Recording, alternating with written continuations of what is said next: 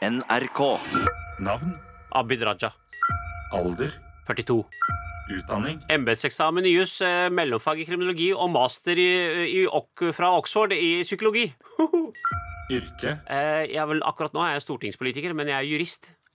Og femte visepresident. Og femte visepresident, selvfølgelig. elsker, Nadia.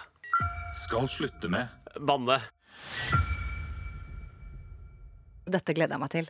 Jeg gleder meg, jeg også. Men jeg gruer meg litt.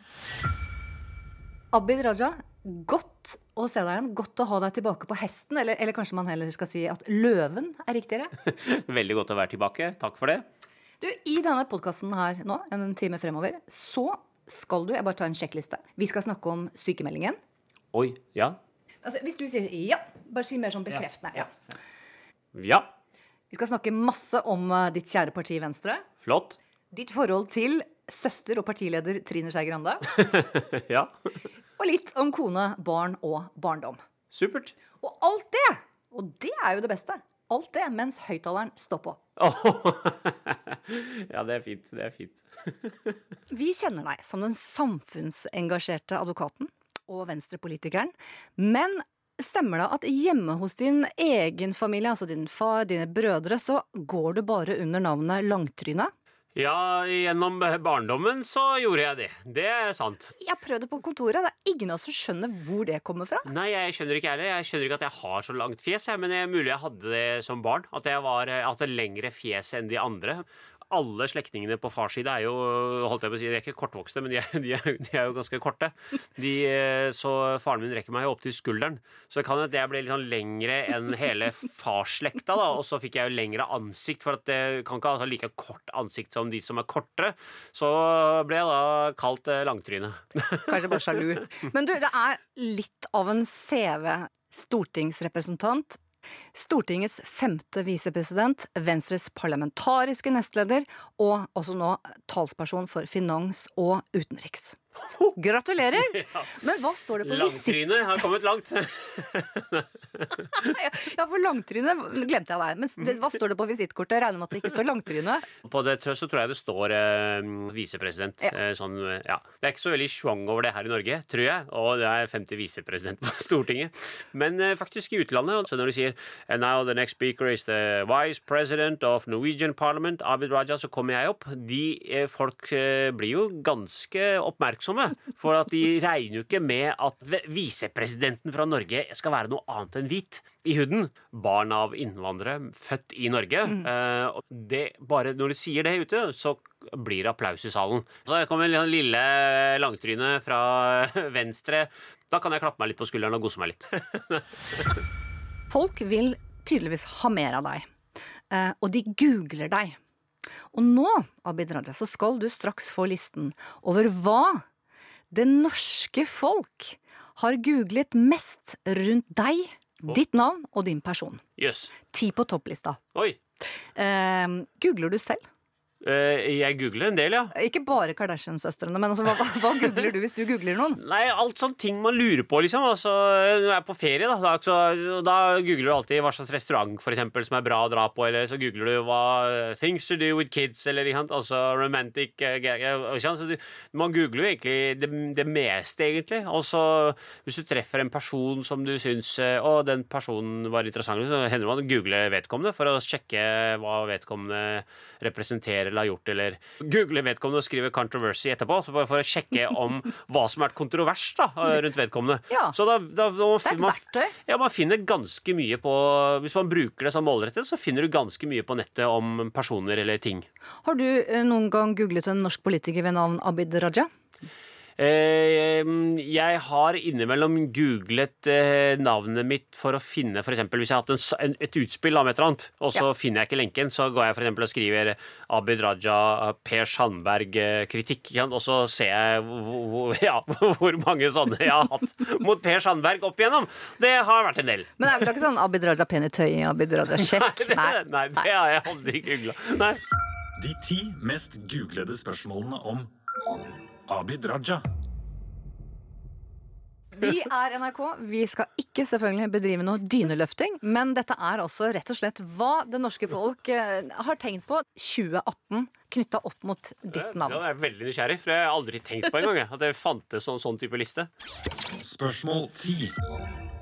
Abid Raja og oksemelk. Ja, Og her tenker jeg at eh, vi alle skal være veldig glad for at det ikke er du eh, som er landbruksminister i denne regjeringen etter et oppslag Du vet hva jeg mener? Et oppslag i Nasjonen.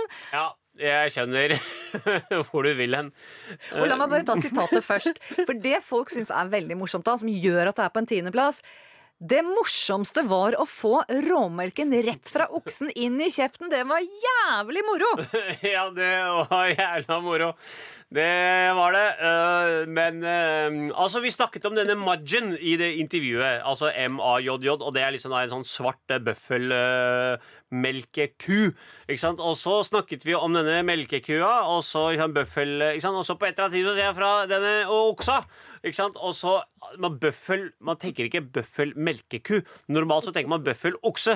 Og jeg leste gjennom. Der sto det, der sto det oksa. Og jeg, det leste til og med rådgiveren min. Jeg sendte det til han da han leste oksa, og ingen av oss tenkte noe mer over det. Og så sto det Fikk ingen bilder i hodet. Ingenting. Altså, Vi snakket om denne Mudgen i det intervjuet, og det er liksom da en sånn svart øh, bøffelmelkeku. Ja. Og fra juryene fra den så fikk jeg da altså melk rett i kjeften da jeg var barn øh, på reise i Pakistan, og det var faktisk veldig moro. Ja, det var det synes vi også. varm melk eh, som spruta rundt hele fjeset. Tror vi stopper der, jeg. Spørsmål 9. Venstre-politiker Raja. Det tok litt tid. Du kom inn i si, det offisielle Norge da, via TV-skjermen eh, i livene våre mai 1999 som en engasjert jusstudent, hyperaktiv representant for pakistansk studentersamfunn med Carl I. Hagen. Jeg, jeg husker det ennå, for eh, da måtte du ha sånn kort eh, som du kjøpte i butikken for å stikke inn i telefonautomaten. For vi hadde jo ikke mobiltelefoner. Og jeg ringte da til TV 2 og ville komme i debattstudio for å diskutere med Carl I. Hagen. Og jeg var sånn drittlei. Jeg var liksom Nå Jeg krever, jeg vil snakke med Per Ståle Lønning sjøl. Så vi holdt på i flere uker. Så til slutt så fikk jeg snakke med Per Ståle, eh, og da sa han ja, greit, da får vi ha en sånn debatt, da. Jeg vet at du ikke liker at jeg kaller deg for Kalivar, men jeg skal gjøre det. Men du gjør det allikevel? Ja, jeg skal gjøre det. Veit. Du hvorfor?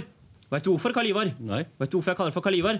Det er fordi at du, gjennomført år etter år, kaller meg, født og oppvokst i Norge med norsk statsborgerskap, for innvandrer, for fremmedkulturell, for farlig, for kriminell. Du sitter og smiler når jeg snakker. Du prøver alle hersketeknikkene, Hagen. Men det går ikke. Du kan ikke svartmale dette her bort og si at nei. At vi er ikke rasister. Eller vi skaper ikke rasisme. Jeg kan si at du ikke er rasist, men jeg kan aldri si at du ikke skaper rasisme. For det gjør du. Den satt, tenker jeg. jeg eh, var litt lei av eh, at ingen stilte opp og klart og tydelig sa ifra om det Carl I. Hagen sto for, eh, de mytene og fordommene han skapte. Og det var viktig for meg å representere meg sjøl og min generasjon eh, på den måten at vi kunne si at vet du hva, dette her aksepterer vi bare ikke. Hvilke reaksjoner fikk du for 20 år siden? Fikk så mye positive eh, kommentarer fra absolutt alle typer befolkningsgrupper. Fyren som kjørte trikken, altså kunne stoppe trikken midt på gata, og så, og så sånn tute, og så åpne den og bare 'Du tok den! Du tok den!' Ikke sant? Og det, var, det varte i så mange år. Du vet, sånn, sånn, det er sånn begrep som går igjen i, eh, i forskning altså i, på, på universitetet, sånn makt og avmakt. At mange innvandrere har følt seg avmektiggjort av Carl I. Hagens retorikk i så mange år. Så var det én som sa endelig noe sånn kraftfullt tilbake, og man følte at man tok litt av makta tilbake. Så de avmektige fikk endelig svart, på en måte. Ser du på det som et vendepunkt, et skifte i, i liv, karriere, valg? Ja, det var det. For jeg, eh, jeg drømte på et eller annet tidspunkt eh, at jeg skulle bli advokat. Det var på en måte målet. Eh, Målet var aldri at jeg skulle bli politiker. Det har, jeg har aldri drømt om det da jeg var barn. Barn Få Få som- barn gjør vel det? Ja, det kan godt hende. Ja, det er kanskje litt sånn teit drøm å ha at man skal bli politiker. Men jeg, jeg, ble, jeg har- jo veldig teit grunn for hvorfor jeg ble advokat. Og jeg så jo denne JFK-filmen med Kevin Costner. Det er sånn Oliver Stone-film ganske lenge siden. Eh, og han var, han var egentlig statsadvokat. Man sånn etterforska den konspirasjonen, hva som skjedde med JFK. Og jeg ble veldig inspirert av det, og, og bestemte meg liksom etter å ha sett den filmen at jeg skulle bli advokat. Eh, Men den debatten med Carl I. Hagen, det er klart eh, på et eller annet tidspunkt så ble det jo sådd noen frø for politikerarbeid. For det gjorde jo at jeg fikk en sånn talsmannrolle i en menighet, og jeg påtok meg det litt sånn ja, eh, mot bedre vitende. Det var eh, talsmann for moskeen World Islamic Mission. Ja, de Hvor det, hadde- hvor det før ofte var sånne mumlende imamer med skjegg, og så kom du. Ja, altså, altså, Hvorfor ble jeg talsmann i en menighet? Jo, fordi at de hadde sett meg mot Carl I. Hagen. Og de sa 'Å, han kan snakke norsk, og han kan svare'. Eh, han kan eh, svare på vegne av moskeen. Ja, det kan jeg gjøre. Eh, det var liksom ikke noen teole... Jeg var liksom ikke teologisk anlagt til det. Men, så jeg plutselig ble da talsmann i en menighet. De fleste kan vel bekrefte at eh, jeg har gått fra å være veldig konservativ muslim til en eh, liberal, voksen ja, venstrepolitiker. Niendeplass altså Venstre politiker Raja. Og hvem og hva eh, fikk deg inn i Venstre? Hvorfor Venstre? Det var eh, betydningen av eh, altså individet. Altså, jeg, kan si, jeg, jeg har, jo hatt en litt vanskelig barndom, det er jo ikke sånn ukjent. Eh, Så for meg så har den der kampen for seg sjøl, eller for individet, altså for enkeltindividet, eh, det har vært viktig. På et eller annet tidspunkt så ble jeg mer politisk interessert enn det opprinnelige tankene var. Og da sto igjen da egentlig med Høyre, Arbeiderpartiet og Venstre. Så fremsto Venstre mer unikt og annerledes. Men kanskje ikke akkurat verdens navle, et parti som ofte lå under sperregrensa? Nei, det er jeg enig i. Men det var egentlig først og fremst det liberale utgangspunktet. Hva det gir av løsninger, og hva det gir av frihet. Det var det viktigste. Men det ble, eh, ble bråk hjemme, forstår jeg. Både far og svigerfar var helt uenige. Ja, Svigerfar var helt fra seg. Han eh, var helt tindrende klar. Enten må du melde deg inn i Arbeiderpartiet eller i Høyre. Ikke Venstre! Det er bitte lite parti, du får ingen muligheter! Og han eh, sier det ennå. Hva jeg sa til deg, ikke sant?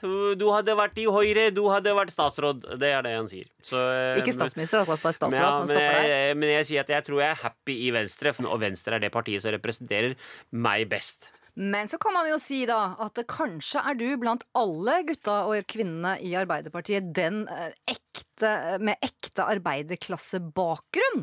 Absolutt. Sånn sett så hadde jeg nok passa veldig godt inn i Arbeiderpartiet. Det er tross alt eh, Det er jo ikke alle Arbeiderpartipolitikerne som nå har altså arbeiderklasseblod i sine årer.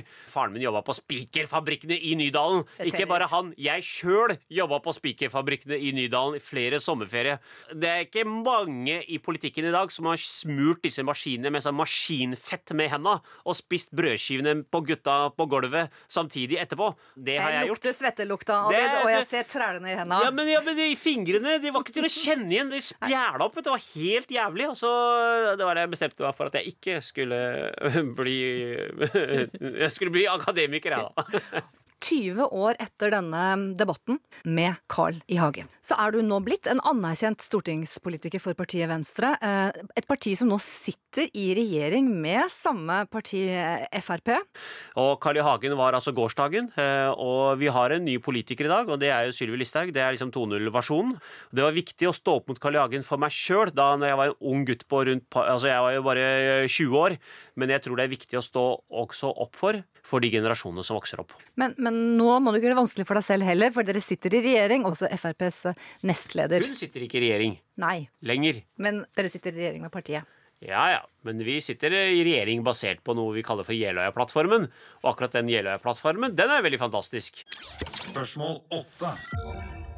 Abid Raja sykemeldt. Vi kan vel da konstatere at jeg tror at vi alle har forstått at det ikke var meslinger. Nei, det var bare én uke jeg var borte, så det høres veldig dramatisk ut.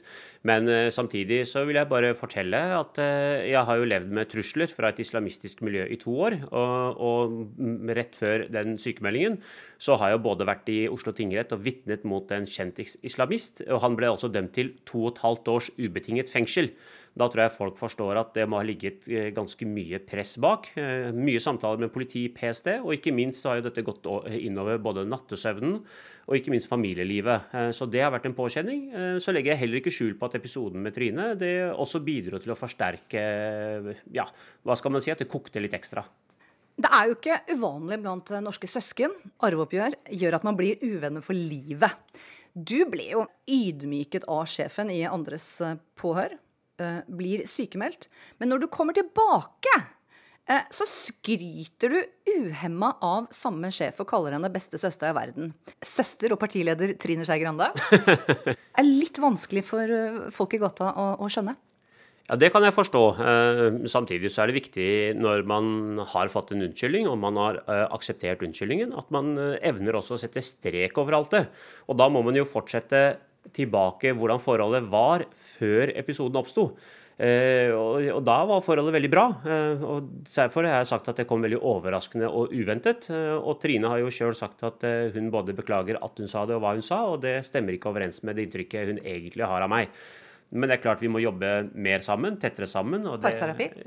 Ja, det vil jeg ikke si. Vi er kollegaer. eh, Men vi må forsterke dialogen vår, og det har vi allerede satt i gang prosesser for å gjøre. Og så tenker jeg kanskje i Venstre har en liten bit å gå på når det gjelder eh, teknologi. Altså, når jeg ringer mannen min, det første jeg spør Jeg er ikke på høyttaler. Altså, man gjør jo det. Ja, Nå var det jo ikke jeg som ringte Trine, eh, og eh, det var en sjokkartet opplevelse for alle. Så jeg tror reaksjonen til den som ringte på høyttaler, var nok litt forsinket. Dels fordi at det kom veldig uventet på oss alle. Men du ga deg ikke til kjenne. Hvorfor ikke det? Som jeg sier, vi alle tre egentlig var nokså sjokkerte, egentlig, helt ærlig. Det, og det gikk veldig fort. Så eh, når eh, Henrik eh, slo av høyttaleren, så, så var på en måte ordene allerede falt. Og det tok faktisk oss noen jeg skal ikke si et minutt, men det tok oss en del sekunder før vi tre kom tilbake igjen i, til virkeligheten. Første gang Abid Raja har vært hvit i maska. Jeg vet ikke hvordan man skal beskrive det, men, eh, men det var et sjokk. Eh, Så ingen av oss tre var forberedt på det. Og det gjorde jo derfor eh, vi satt egentlig litt lamslåtte etter at samtalen var over. Og så gikk det faktisk noen titalls sekunder før vi kom tilbake til oss sjøl og kunne fortsette den intellektuelle samtalen. Så eh, alt ble litt mye. Men det var ikke sånn at jeg sykemeldte meg sjøl. Jeg gikk jo tross alt til stortingslegen. Og det var hennes sterke anbefaling at jeg tok noen dager av. Jeg tror ikke det er så uvanlig at leger eh, gir en sykemelding når de ser faresignalene. Og jeg tror vi gjør lurt i å lytte til ekspertene. Hva, hva tenkte du når du da gikk hjemme og var sykemeldt?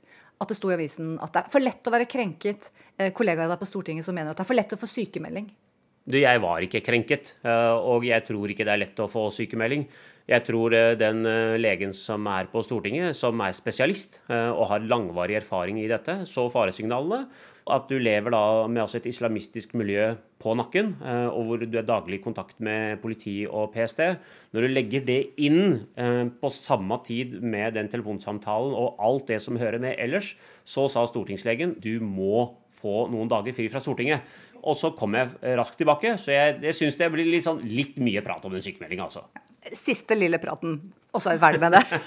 Det er rett og slett altså Men helt helt ærlig, liksom, når man går hjemme da, og kanskje du fyrer deg selv litt opp, det ville jo jeg gjort, og kanskje ble litt sånn sinna og, og tenkte på min egen integritet oppi det hele her. Vurderte du noen gang med å gi deg norsk politikk og tenke vet du hva, nå er det nok å og blir advokat igjen? Det høres litt rart ut å si at det er et nobelt yrke, akkurat når omdømmet til politikerne har blitt dratt ned i sølepytten det siste året. Men det å være politiker som bidrar til gode liv for sine egne borgere, påvirker sin samtid og staker ut kurs for framtida, det er egentlig et nobelt yrke. Dessverre har det lidd mye omdømmetap, men da er det vår oppgave å gjenopprette det, det omdømmet. Så er du tilbake. Og eh, det er fryd og gammen mellom dere. Eh, men vi er jo vant til deg som en sånn frittalende, veldig direkte og ærlig person. Men, men at du nå nærmest fremstår litt sånn, hva skal vi si, lobotomert eller kastrert. Litt en kastrert utgave, da. Du var liksom sånn omtrent hånd i hånd med Trine både hos eh, Fredrik Solvang og i, i, i mediene. Jeg tror folk vil eh, kjenne igjen den samme Abid som de har vært kjent med nå i eh, over 20 år. Jeg kommer fremdeles til å være frittalende. Så Verken er jeg kastrert ellers eller lovet noe, ikke blitt truet i taushet. og Det er ikke sånn. Men jeg føler når noen faktisk beklager, så er det også viktig at vi tilgir. Det må vi evne å gjøre, og da er vi også gode rollemodeller for de andre som kommer etter oss. Abid Raja, hvis vi nå ser ut av vinduet Det er en nydelig hovedstand. Det ligger sne på trærne og på bakken. Og desember, det betyr Oslo og Nobel fredsprisutdeling. Fredsprisutdelinga er jo helt nydelig, det som skjedde bare for to dager siden. Eh, Jeg fikk jo være i rådhuset og, og høre på både Nadia og Dennis, eh, fantastiske fredsprisvinnere. Og så fikk vi jo delta på eh, Nobelbanketten på kvelden, når du får møtt dem i person. Og ikke minst på, i går, da, på tirsdag, så møtte jeg dem også på Stortinget. Og en av de tingene som jeg har lagt merke til, er at de sier at prisen i seg sjøl er ikke målet, men det er et momentum for å bidra til å skape endring. Og en ting som jeg har tatt opp denne uka som har gått, eh, er at vi må jobbe for en egen konvensjon som setter fokus på eh, krigsforbrytelser mot kvinner. For det fins ikke. Norge kan være pådriver for det. Få en sånn internasjonalt regelverk rundt det. Det vil være et klart signal om hvordan verden eh, adresserer forbrytelser mot kvinner så må Norge bidra til å jobbe frem at kvinner som er utsatt for voldtekter og dermed også blir gravide, eh, at de må ha retten til å ta abort. For i dag er det slik at de aller fleste landene der ute i verden, der får du ikke retten til å ta abort. Det er særlig USA, det er en del muslimske land, det er katolikker som bekjemper dette. Men jeg tror i Norge så forstår vi dette på en helt annen måte. Er du utsatt for voldtekt eller gruppevoldtekter i en krig, så skulle det bare mangle at du skal ha retten til å ta abort. Kan vi i Norge være med på å løfte de verdiene? så ville det være en virkelig viktig ting å gjøre. Og dette kommer jeg til å ta opp også med vår regjering øh, og med utenriksministeren. Abid Raja, det er så godt å holde deg tilbake. Det er så godt å være tilbake. Og, og på Nobelbanketten, du sa det en gang at du ikke fikk danse med henne. Så jeg må bare spørre, fikk du danset denne gangen med Mette-Marit, kronprinsessen? Nei, jeg tror det vil være litt feil å forsøke å by opp henne til dans. Hun er, øh, hun er kronprinsen sin helt og holdent. Spørsmål sju. Abid Raja blir truet. Du er, Abid, for religionsfrihet, ofte kalt en brobygger i det norske samfunn, eh, og ytringsfrihet da som en av de norskeste av de norske verdier. Du nekter å la deg bli kneblet, eh, men hvordan var det da å bli truet på livet 2016-høsten? Det å true stortingsrepresentanter og forsøke å kneble de, det er en trussel mot demokratiet. Det er en trussel på ytringsfriheten, og det mest grunnleggende i et demokrati er selve bærebjelken, er selvfølgelig ytringsfriheten. Men disse truslene har jo kommet fra mange hold opp igjennom. Eh, Det har både kommet fra altså, hvite rasister, eh, og så har det kommet fra islamister, og, og også fra Arfan Bhatti tidligere. Men fra denne videoen fra Moldin Mohammed, det var jo guffen. Ta oss Virk- til bakteppet er altså, Du har vært ute og sagt din eh, mening om nikab og burka. Ja, jeg sa at den, eh, det er et veldig fremmed plagg. Det at eh, man skal gå med burka i Norge, gir jo overhodet For det første så gir det ikke noe mening om man skal gå med burka i det hele tatt, noen steder i verden. Men om man skal gå med burka i Norge, det vekker bare dårlige, negative følelser. Altså harme, og, folk vemmes over det plagget. At eh, kvinner må gå, altså gå og dekke seg til med teltlignende plagg, er ikke akkurat symbol på friheten at kvinner skal altså gå i det teltet bortover. Altså, selvfølgelig, Det er et liberalt og fritt land, og folk kan kunne kle seg som de vil osv., men vi må kunne si at det liker vi ikke. Men det, Og det sa jeg, og da ramla det inn SMS-er om eh, det ene og det andre fra da denne din. du er jo far, eh, du er ektemann. Eh, Blir du ikke redd? Selvfølgelig blir man redd, men man må ta da en beslutning, og det er at om, om man skal la seg bli styrt av den redselen og la være å si de tingene man ønsker å si, og det Så det er klart man tar sine egne forholdsregler. eh, Man passer litt bedre på. Man får jo også råd om at man kanskje skal la være å gi noen uttalelser, da. Og, det, det er jo en del av dette de nettopp ønsker. Og det er jo at du skal slutte å uttale deg negativt om det de driver med. Eh, for deres største trussel mot islamistene er jo ikke nødvendigvis fra folk som ikke er muslimer. Altså det at hvite mennesker, da, for å sette det sånn, jeg er sånn tydelig på talen, altså muslimer med brun hudfarge får motstand fra hvite kristne. Det er liksom ikke, det er ikke akkurat noen trussel for de. Og det er masse undersøkelser som viser at den største trusselen for islamistene kommer jo fra liberale, moderate muslimer sjøl. Fordi at det er de som kan religionen, som utfordrer de. Og det er det som gjør at de mister fotfeste i sitt eget miljø. Og Derfor er det viktig at vi allikevel står i stormen når det først blåser, og vi må våge å stå og fortsette å kontre den retorikken som kommer fra islamistene. For ikke, hvis ikke vi gjør det, vi som er moderate muslimer, så vil jo ingen klare å vinne frem. I 2012 betegnet du um, norske islamister for skadedyr. Åh, ja. Mm, Skal vi ta ja. bort, vi ta bort den? Nei, nei. Er Ja. det et ord du ville brukt igjen i 2018? Eh, nei eh, Det Men altså at de utgjør veldig stor skade, det kan jeg vel kanskje si. Men altså ikke skadedyr i ordets forstand, men, men eh, altså at de er som pesten. Jeg vet ikke altså, hvilke sammenligninger man skulle gjort da, for at det skulle høres, men de er de, er, de undergraver samfunnet. De spiser samfunnet innifra. De ønsker å ramme samfunnet de lever i. De snylter på det. De hater samfunnet. De vil skape hat i samfunnet. Og samtidig vil de både få sosialen og trygden og alle godene. Det er, det er liksom muldvarper av de verste sort. Altså, og da gikk jeg så langt at jeg sa skadedyr, men altså, jeg tror folk skjønner poenget. Mohadin Mohammed han ble tiltalt. Eh, han fikk en dom på to og et halvt års fengsel, men har anket hva tenker du rundt det? Det er klart det her er det er eh, Mohildin sin rett til å anke og bruke rettsmidlene som er i Norge. Det er derfor vi har et demokrati og rettsstat. Det er jo nettopp dette demokratiet og rettsstaten han ønsker å ramme. Dermed blir det litt parodisk at han gjør det.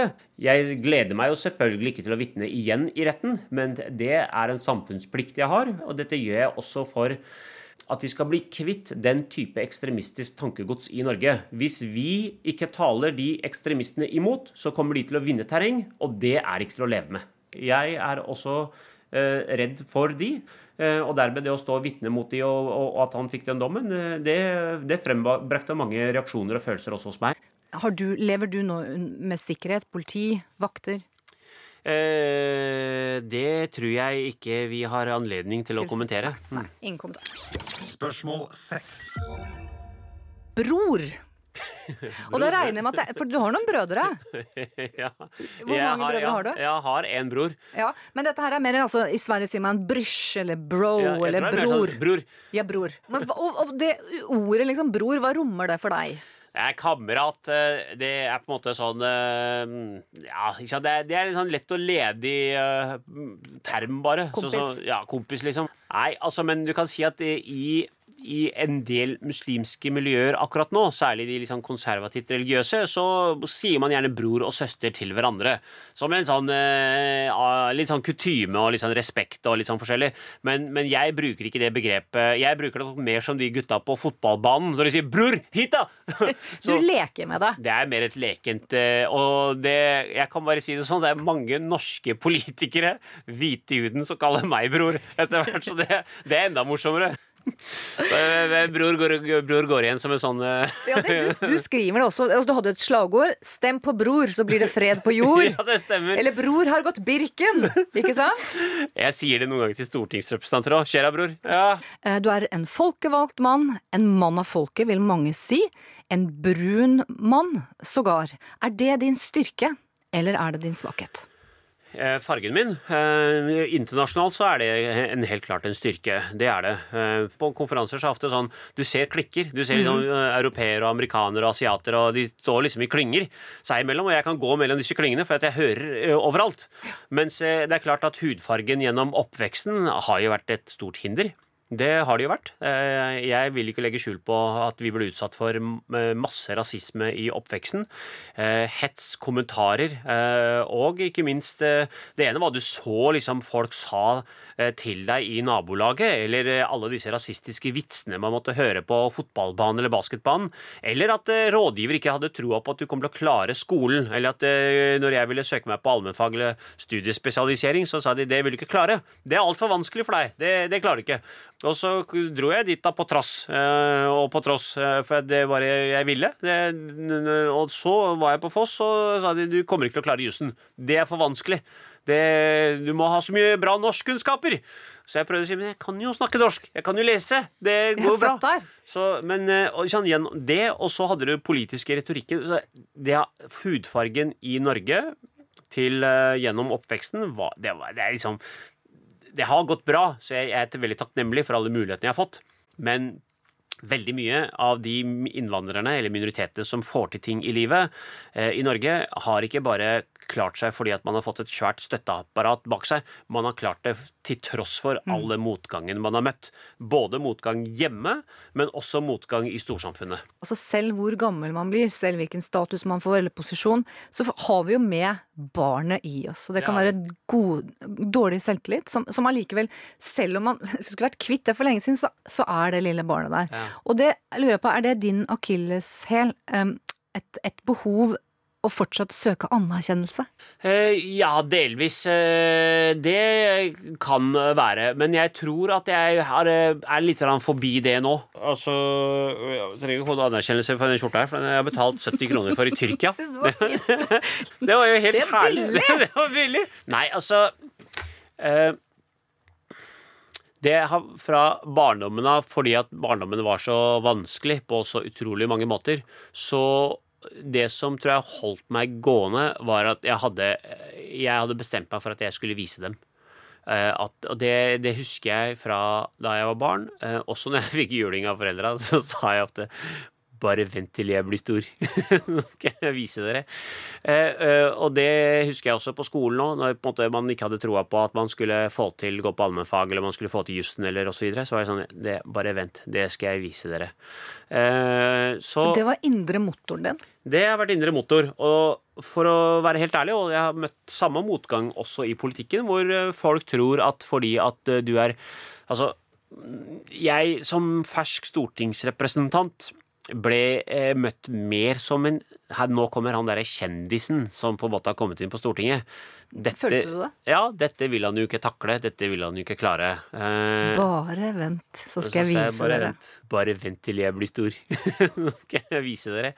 Og nå sitter vi her. På tross av, og du har klart det sjæl, du, Abid Raja, jeg har vært ute på gaten og spurt, du er en av våre mest respekterte norske politikere. Hør her hva folk sier om deg. Jeg hørte i morgentimen i dag. Jeg syns han er et veldig friskt pust i norsk politikk. Kjempe- Kjempeålreit. Ja, han er jo ærlig type. Veldig direkte og rett fram. Morsom, da. Han virker som en uredd mann, egentlig. Han er jo så elegant. Han er kul kar. Det er jo nordmenn altfor forsiktige. Tør ikke å si hva de egentlig mener. Så han, han går ikke rundt grauten. Han går ikke rundt grauten, nei. Han sitter midt i matfatet, på en måte. Ja. Ganske god attest, da. Ja, det var veldig hyggelig. Jeg vil jo helst ikke være politisk korrekt, da. Altså, hva, er, hva er målet med det? Altså, og, og man må kunne snakke rett fra levra. Humor er jo et våpen du har, ikke sant? Og du sier ofte at uh, jeg er så 100 integrert etnisk, for uh, se, jeg kjefter til og med på hundebæsjen i skiløypa. Det har du sagt. Og nå har jeg jo sagt at jeg skal slutte å banne, men det er jævla irriterende. Men det jeg lurer på da, Abid, er det en slags usikkerhet også i deg som du liksom avvæpner med uh, humor?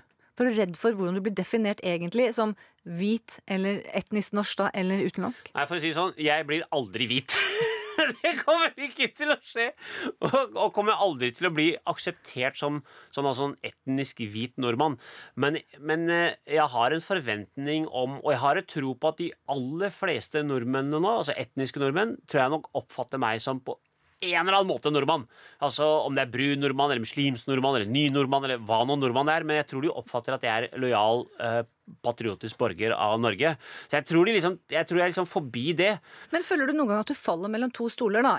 Altså, eh, for eh, sånn ti år eller noe siden, så tror jeg nok jeg falt mellom de stolene. Og, og kanskje litt lenger enn det òg. Men, men nå føler jeg ikke lenger jeg, jeg tror alderen har gjort dels noe med meg, og så har man reflektert gjennom en del ting. Og så er det sånn eh, eh, Nå har man jo Jo eldre man blir Jeg føler jo jo dårligere tid eh, får man også. Jeg så, så utrolig god tid man hadde som student. Jeg er helt? Altså, enig. Nå det var- røyner det på ja, her. det er helt sjukt. det er at Du har ikke tid til å være det der mellom stolene lenger. nei. Så den, eh, de stolene er ferdige, de nå.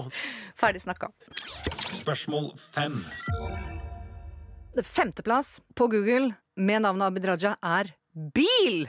Å, kult. Ja, brun nordmann selger bil med et smil, sto det på Finn. Nei, ja, det stemmer.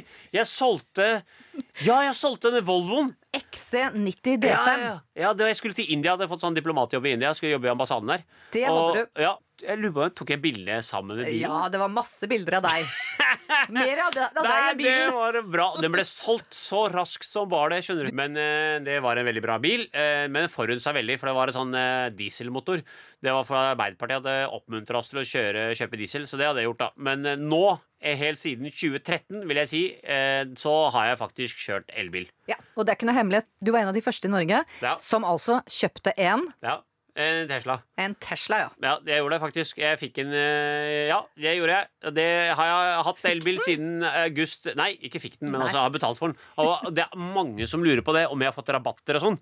Det har jeg ikke. Nei. Nei. Så jeg har betalt akkurat det samme som alle andre betaler. Jeg har ikke fått en krone i rabatt. Så, eh, men jeg, vi som familie har klart oss med én bil, en elbil, siden eh, august 2013. Og det er jeg veldig, veldig fornøyd med. Men da kommer du ikke unna dette spørsmålet her. Altså, fra Volvo XC90 til Tesla. Klær fra Ferne Jacobsen Boss-dresser. Er du egentlig en snobb?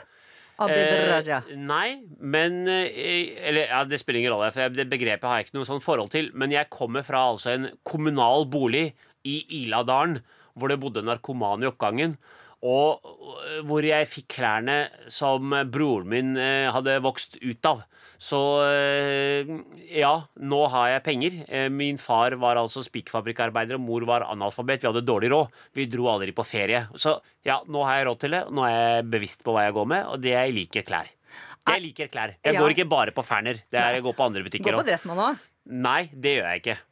Ja, det er ikke noe galt i å gå på Dressmann, Nei. men eh, det gjør jeg ikke. Sånn skal kose seg, se. Nei, jeg, ja, jeg går på jeg, Akkurat nå for tida så har jeg lagt mitt elsk på Morris-jakkene fra Sverige, som eh, selges på Follestad, og de er så digge. Åh, de er litt dyre. Og Det er så deilig at man er litt ærlig. Åh, Svenskene har laget et veldig bra klesmerke. Altså, Tesla og alle disse klærne og sånn. Jeg har ikke arvet en krone. Det er ikke sånn at jeg Nei. får penger eh, fra. Nei, jeg har gjort dette sjøl. Ja. og så- unner deg hvert plagg. ja, Ja. og da har jeg fortjent det. Og da, da, da, da er liksom Veldig mange rike folk eh, går kanskje liksom og skammer seg litt sånn. Jeg har ikke noe å skamme over. Altså, Jeg har ikke arvet en krone eller vunnet noe i lotteri. Jeg har hadde gjort det dette sjøl, hvis jeg hadde kjent like mye som deg. Men jeg sitter ikke på Stortinget. for å si det sånn, Synnøve. Og jeg klager ikke. Vi tjener mer enn godt nok som stortingsrepresentanter. Ja. Men da jeg var advokat, så tjente jeg tre ganger det. Så jeg Ja. gjorde ikke dette. Jeg ble ikke stortingsrepresentant for penga. Man gikk faktisk eh, to tredjedeler ned i lønn for å gjøre det samfunnsoppdraget det er å være stortingspolitiker. Jeg sier ikke at stortingslønn er dårlig, men var det penga, så hadde jeg bare forblitt advokat. Spørsmål fire. Barn. Ja. Bor sammen med din elskede Nadia Ansar, mm. psykolog. Doktorgrad holder på med. ja. Absolutt, det gjør hun. Hva er, dritt, hun er dritflink. Du er oppdatert. Har du googla henne? Ja, hun er drittflink. Ja, hun er det. Eh, dere bor på Ekeberg. Um, dere har to tvillingdøtre, Sara og Maya. Ja, De, de er tolv. 12 ja, blir 13. Og så har dere minstegutten, da, Adam, som er Ti. ti år. Ja. Stemmer det at når dere fikk tvillingjentene, ja, da ringte folk, men de ringte ikke for å gratulere, men for å trøste? Det var veldig mange som uh, trøstet uh, meg, fordi at uh, det var en prøvelse fra Gud at jeg hadde fått to døtre. Og det var et stort ansvar, men jeg skulle holde motet oppe. Dette var ikke Venstres stortingsgruppe som ringte. Nei, var slektninger. Og, liksom, og så ringte de til familien min, selvfølgelig. Og måtte, de, de måtte støtte meg for at jeg måtte holde motet oppe. Og, eh, og inshallah, altså når Gud ville, så skulle jeg altså få to sønner neste gang. Det var liksom Jeg bare tenkte mm, Jeg tror ikke de helt skjønner hvor mye arbeid det er med tvillinger. Jeg skal ikke ha to sønner neste gang. Det holder, dette her. Men litt skambelagt med jenter? Hvis det bare hadde vært jenter, eller? Det eh, Altså, jeg eh, Jeg eh, Før jeg fikk Sara og Maja, så eh, var på en måte likestillingspolitikken var egentlig ikke noe jeg gikk rundt og grubla noe særlig over. Gjorde ikke det. Så jeg er oppdratt som en gutt, på en måte. Så selv om oppveksten var vanskelig, så var det på en måte verre for eh, jentene rundt meg. Ja, du kunne ikke lage mat, ikke støvsuge, ingenting som hadde noe med et hjem å gjøre. Nei, ingenting. Nei. Det, og så ble jeg sammen med Nadia og sånn, og selv da tror jeg ikke tenkte over likestillingen og sånn. Og så, så vi, møtte jo vi mye motgang for at vi ikke skulle få lov til å gifte oss med hverandre. Men det handler jo heller ikke om likestilling og sånn, for det rammet jo like mye meg. Mm. Men det var liksom først når de døtrene mine kom, at jeg forsto øh, liksom alvoret i dette likestillingsfenomenet for innvandrerjenter. Eh, At det, var en, at det skulle være en straff for meg, eh, og en prøvelse fra Gud. Eh, Og at det var så stor byrde at jeg hadde fått eh, døtre. Det var liksom eh, Det kom litt sånn Jeg hadde jo hørt det før, men det var liksom sånn, sånn taus kunnskap man liksom ikke har lagt merke til og ikke tenkt over. Og så liksom kom alt liksom som en sånn bølge som bare liksom, som, ram, som bare rant over deg.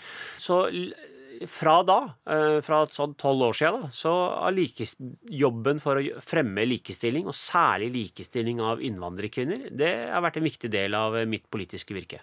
Det er altså det fjerde mest søkte eh, spørsmålet rundt ditt navn, da. Abid Raja og barn.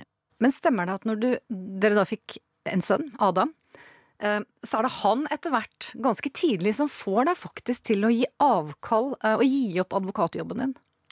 Ja, eh, for så vidt. eh, Det er, det er riktig, I hvert fall vurdere. Jo, det, men det er riktig. Han eh, hadde begynt å krabbe, oppdaga jeg da jeg kom hjem. Og da spurte jeg Nadia eh, Å, har han begynt å krabbe? Og det har han gjort i flere uker, sa hun. Surt. Fordi at eh, da hadde jo ikke jeg vært hjemme på en stund, og jeg så på kalenderen, og da hadde jeg vært i Trondheim og hatt en sak, og Tromsø hatt en sak, og, så jeg var veldig lite hjemme. Eh, Og da så jeg på han, og kona så på meg, og vi besluttet der og da sånn at eh, nå søker jeg meg vekk fra advokatjobben. Så da ble jeg nemndleder i Utlendingsnemnda i statlig, statlig arbeid med statlig regulert arbeidstid. Du valgte altså familien framfor kortsiktig det var faktisk eh, bevisst valg, det også, for at jeg måtte prioritere både kona og barna.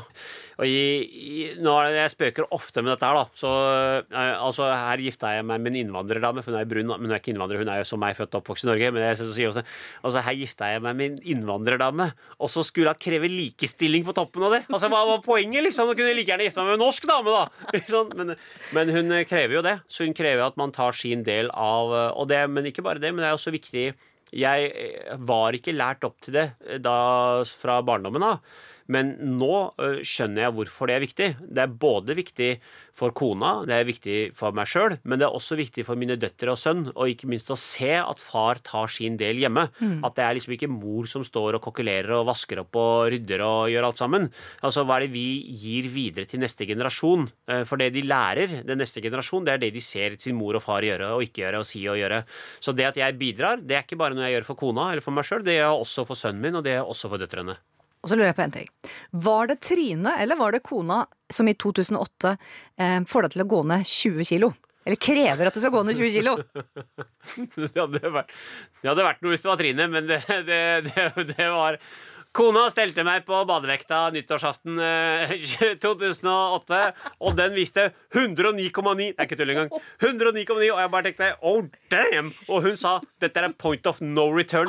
Altså gram til, så kommer du aldri tilbake, Abid. Du må stoppe nå. Og Jeg sier bare Nadia for president!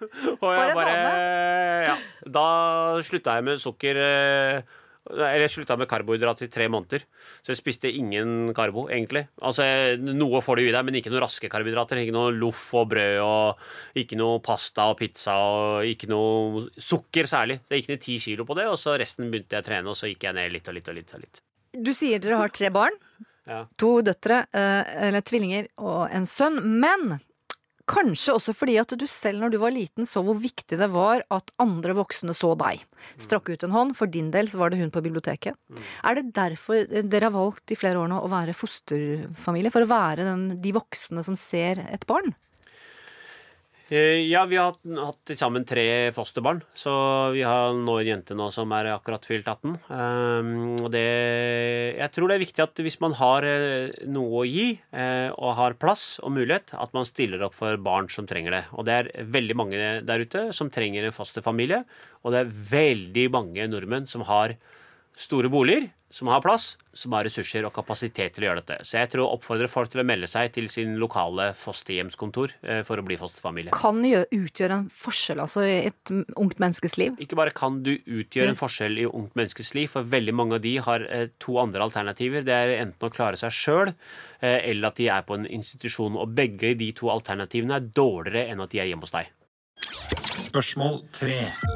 Det tredje mest googlede er, tror du det, årstallet 2009. Og hva var det som skjedde i 2009? Det er da du kommer inn, rød løper, inn til Stortinget som vararepresentant. Ja, stemmer Det det. forjettede land, stortingssalen. Ja. Da får du godteskuffen til Borghild. Oh. Fordi du, du var jo vara, og da fikk du sitte på plassen til en Ja. som het Borghild. Og jeg vet at hun hadde en skuff da, i salen, hvor det var Smilsjokolade. For, for det, du er godtegris, om det er i stortingssalen eller hjemme i sofaen. Ja, det er ikke bra. Så det, må jeg, det er en av de andre tingene jeg må slutte med. I tillegg til å banne, er å slutte med de godterigreiene. Det er for gammel nå. Jeg kan ikke spise godteri som jeg var 16 år. Jeg vet at du til og med spiser godteri som har gått ut på dato, for jeg ga deg en gang en sjokoladegris. Og det, det, og det gir du til muslimen. Gris, ja. Men Var det han gått ut på dato? Den var gått ut på dato, men du gafla den i deg. Ja, det var ikke fint. Men du, Du skylder meg en marsipangris nå som ikke har gått ut på dato. men du fortell liksom det første da møtet Ja. ditt i 2009. Um, For det første så var det irriterende. Altså, Selvfølgelig var det en stor ære. Det må man bare sagt det. Det var en stor ære å komme på Stortinget som vararepresentant. Eh, Skår i gleden var jo at jeg eh, måtte jo trekke meg fra finalen i 71 grader nord der oppe. For at jeg hadde akkurat vunnet plassen i finalen og skulle liksom ut på det juvet med han derre Pål Anders Ullevålsæter. Og så sier han derre produsenten eh, Du, nå har vi fått telefon fra Stortinget. Vi fikk jo ikke beholde telefonene, de tok jo det fra oss. Vi har fått telefon fra Stortinget. Eh, Du er nødt til å dra eh, i kveld. Hæ? Jeg bare, hæ? Hva er det du prater om? Jo, fordi at eh, hun Borghild hun eh, har permisjon, og du må møte som vara. Jeg bare, jeg vant jo akkurat plassen i finalen! Jeg har jo kjempa, nå skal jeg i finalen i 71 grader! Nei, du må dra, skjønner du. Så jeg måtte se inn i kameraet, så jeg må trekke meg fra finalen, for jeg må til Stortinget. Eh, Hvor så det var, var så veldig stor ære å komme på Stortinget som vara. Det var det jo. Det var jo, det var jo, var jo tross alt eh, ikke valgt inn på Stortinget, eh, men var vara. Så det var jo stor ære å komme dit. Eh, men klart eh, Kunne ikke det Stortinget bare venta én dag til? For nå eh, Altså, jeg, jeg tapte jo Han vant på walkover, han Pål Anders. Han, eh, han slo meg ikke ut. Det gjorde han ikke. Hva Men jeg fikk rappellert ned Preikestolen, da. Fikk du etter hvert liksom en høytidsstund over hvor du faktisk satt? Du var en av 169 utvalgte. Skal jeg være helt ærlig, eh, den eh, varaperioden for meg var ikke noe særlig. Det var en lånt plass, det var ikke min plass. Jeg var på en måte ikke stemt inn på Stortinget, jeg var bare vara. Så jeg følte jeg var litt sånn også til bry, og visste egentlig ikke hvordan jeg kunne kreve ting eller gjøre ting eller forvente ting osv. Så, videre. så så tusen takk for stemmen, som gjorde at jeg ble fast valgt inn. Fortsett med det. Men du var for oss andre Det var da vi fikk øynene opp for, for hva skal vi si, den litt upolerte eh, politikeren som snakket høyt og fort som et maskingevær. Spørsmål to. Abid Raja Grande. Å, å ja. Eh, ja. Det er, det er jo ikke noe nytt at det er litt dramatikk i eh, toppledelsen i Venstre. Det er jo høyt under taket. Dere heter jo ikke liberalister for ingenting. Partileder Sponheim satt jo i sin tid nestleder og kronprins Olav Thommessen på plass ved å kalle opp en av sauene for Vendela. Sponheim er som kua, og man kan ikke snu ryggen til uten å få en kniv i ryggen, sier Thommessen. Hva sier du til uh, at Venstres leder Grande har blitt beskyldt for å være ustabil i humøret? Uh, gråte i møter. Uh, hvorfor mener du at hun allikevel er egnet som partileder? Trine er en veldig samlende person. Eh, Hun forstår de ulike behovene som eh, partiets medlemmer har. Eh, Og i kraft av både det kunnskapsnivået hun har, og erfaringen hun har, så har hun bidratt til å stake ut kursen for Venstre. Og hun deler sin tid, sin kunnskap, med Venstre, og jeg tror Venstre står samlet bak Trine. Men tåler Trine Skei Grande flere riper i lakken som leder? Jeg tror vi skal ha litt respekt for at eh, også partiledere kan trå feil. Eh, I denne situasjonen så har hun jo både beklaget eh, og, og, og angret, eh, og dermed så har vi lagt det bak oss. Eh, jeg er sikker på at Trine kommer til å være en samlende figur for Venstre, også i årene som kommer, akkurat slik hun har vært eh, de tidligere årene. Hun har altså ledet partiet siden 2010. Nå kulturminister i regjeringen. Det er jo ikke akkurat noe folkekrav, skal vi tro en, en måling i hvert fall VG utførte i fjor sommer. Ikke noe folkekrav om at det er Trine Skei Grande som skal lede Venstre. For i fjor sommer ble det altså målt ingen forskjell mellom Trine og Abid på målingene. Jo, jeg har aldri uttrykket noe mål om å, å, å, bli noe mer enn en stortingsrepresentant eh, langsiktig. Men ifølge din kone så er, bor det en Har du snakka med hun nå? Nei, men det bor en partileder og en statsråd. Selvfølgelig gjør det. Man har jo ambisjoner når man går inn øh, så ung som du er også. Ditt navn ble da nevnt mange steder. Ditt navn som statsråd. Hvorfor ble du ikke utnevnt? Det vet jeg ikke. Jeg er stortingsrepresentant for Venstre. Og den type beslutninger blir jo ikke tatt av stortingsrepresentanter på Stortinget. Men i gruppa, dere legger vel fram en liste, dere har noe dere skal si? Nei, dette er, eh, dette er eh, noe Trine og Erna styrer med. Du har fortsatt disse ambisjonene. Hvordan er det å sitte på sidelinja? Altså, Det er klart du får gjennom mer av din politikk hvis du sitter i regjering. Og det er klart eh, man som statsråd kan sette større grad av preg på politikken hvis man sjøl er statsråd. Det, eh, og ikke minst forme politikk. eh, Så må man jo ville komme seg opp på toppen. Nå vil jeg jo si at jeg sitter ikke sånn helt på sidelinja, for vi er jo i regjering. Og vi har jo tilgang til regjeringsapparatet. Og jeg sitter jo i finanskomiteen, dvs. Si at vi styrer jo med budsjettet. Og det må jo landes på Stortinget fordi at det ikke er en flertallsregjering. Så sånn stor grad av påvirkningsmulighet har jeg jo. Men, men eh, jeg vil ikke gå rundt grøten og si at man kunne hatt mer påvirkning som statsråd. Men hvorfor i 2018 eh, valgte regjeringen da i utgangspunktet å utnevne Sylvi Listhaug som integreringsminister, og ikke tørre å ta valget Abid Raja? Vet du hva, Det kan ikke jeg svare på. Ble du skuffa? Nei, altså det, det Hvis du var helt ærlig nå, da.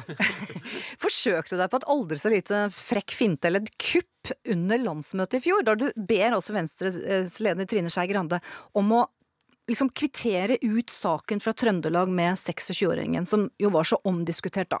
Var det en altså, det- måte å få henne liksom eh, Eh, Det som irriterte meg mye med den saken, eh, var disse ryktene som ble skapt om at vi i Venstre hadde baksnakket denne gutten, og at vi hadde spredd falske rykter om vedkommende. Det var det som irriterte meg mest, og jeg følte at det var noe vi burde kvittere ut. Og det å si ingen kommentar gjør på en måte at ryktene ikke forsvinner. Klarer... Det var, egentlig, det var egentlig formålet, og så kan man si at det intervjuet det sklei Det, det gikk langt utover sine breddegrader. men, men for Venstre, da, fortsatt i 2018, er det fortsatt en elefant, en stor elefant i rommet for Venstre? Ja, eh, ja, altså, det er litt vanskelig å kommentere dette. Spørsmål 10.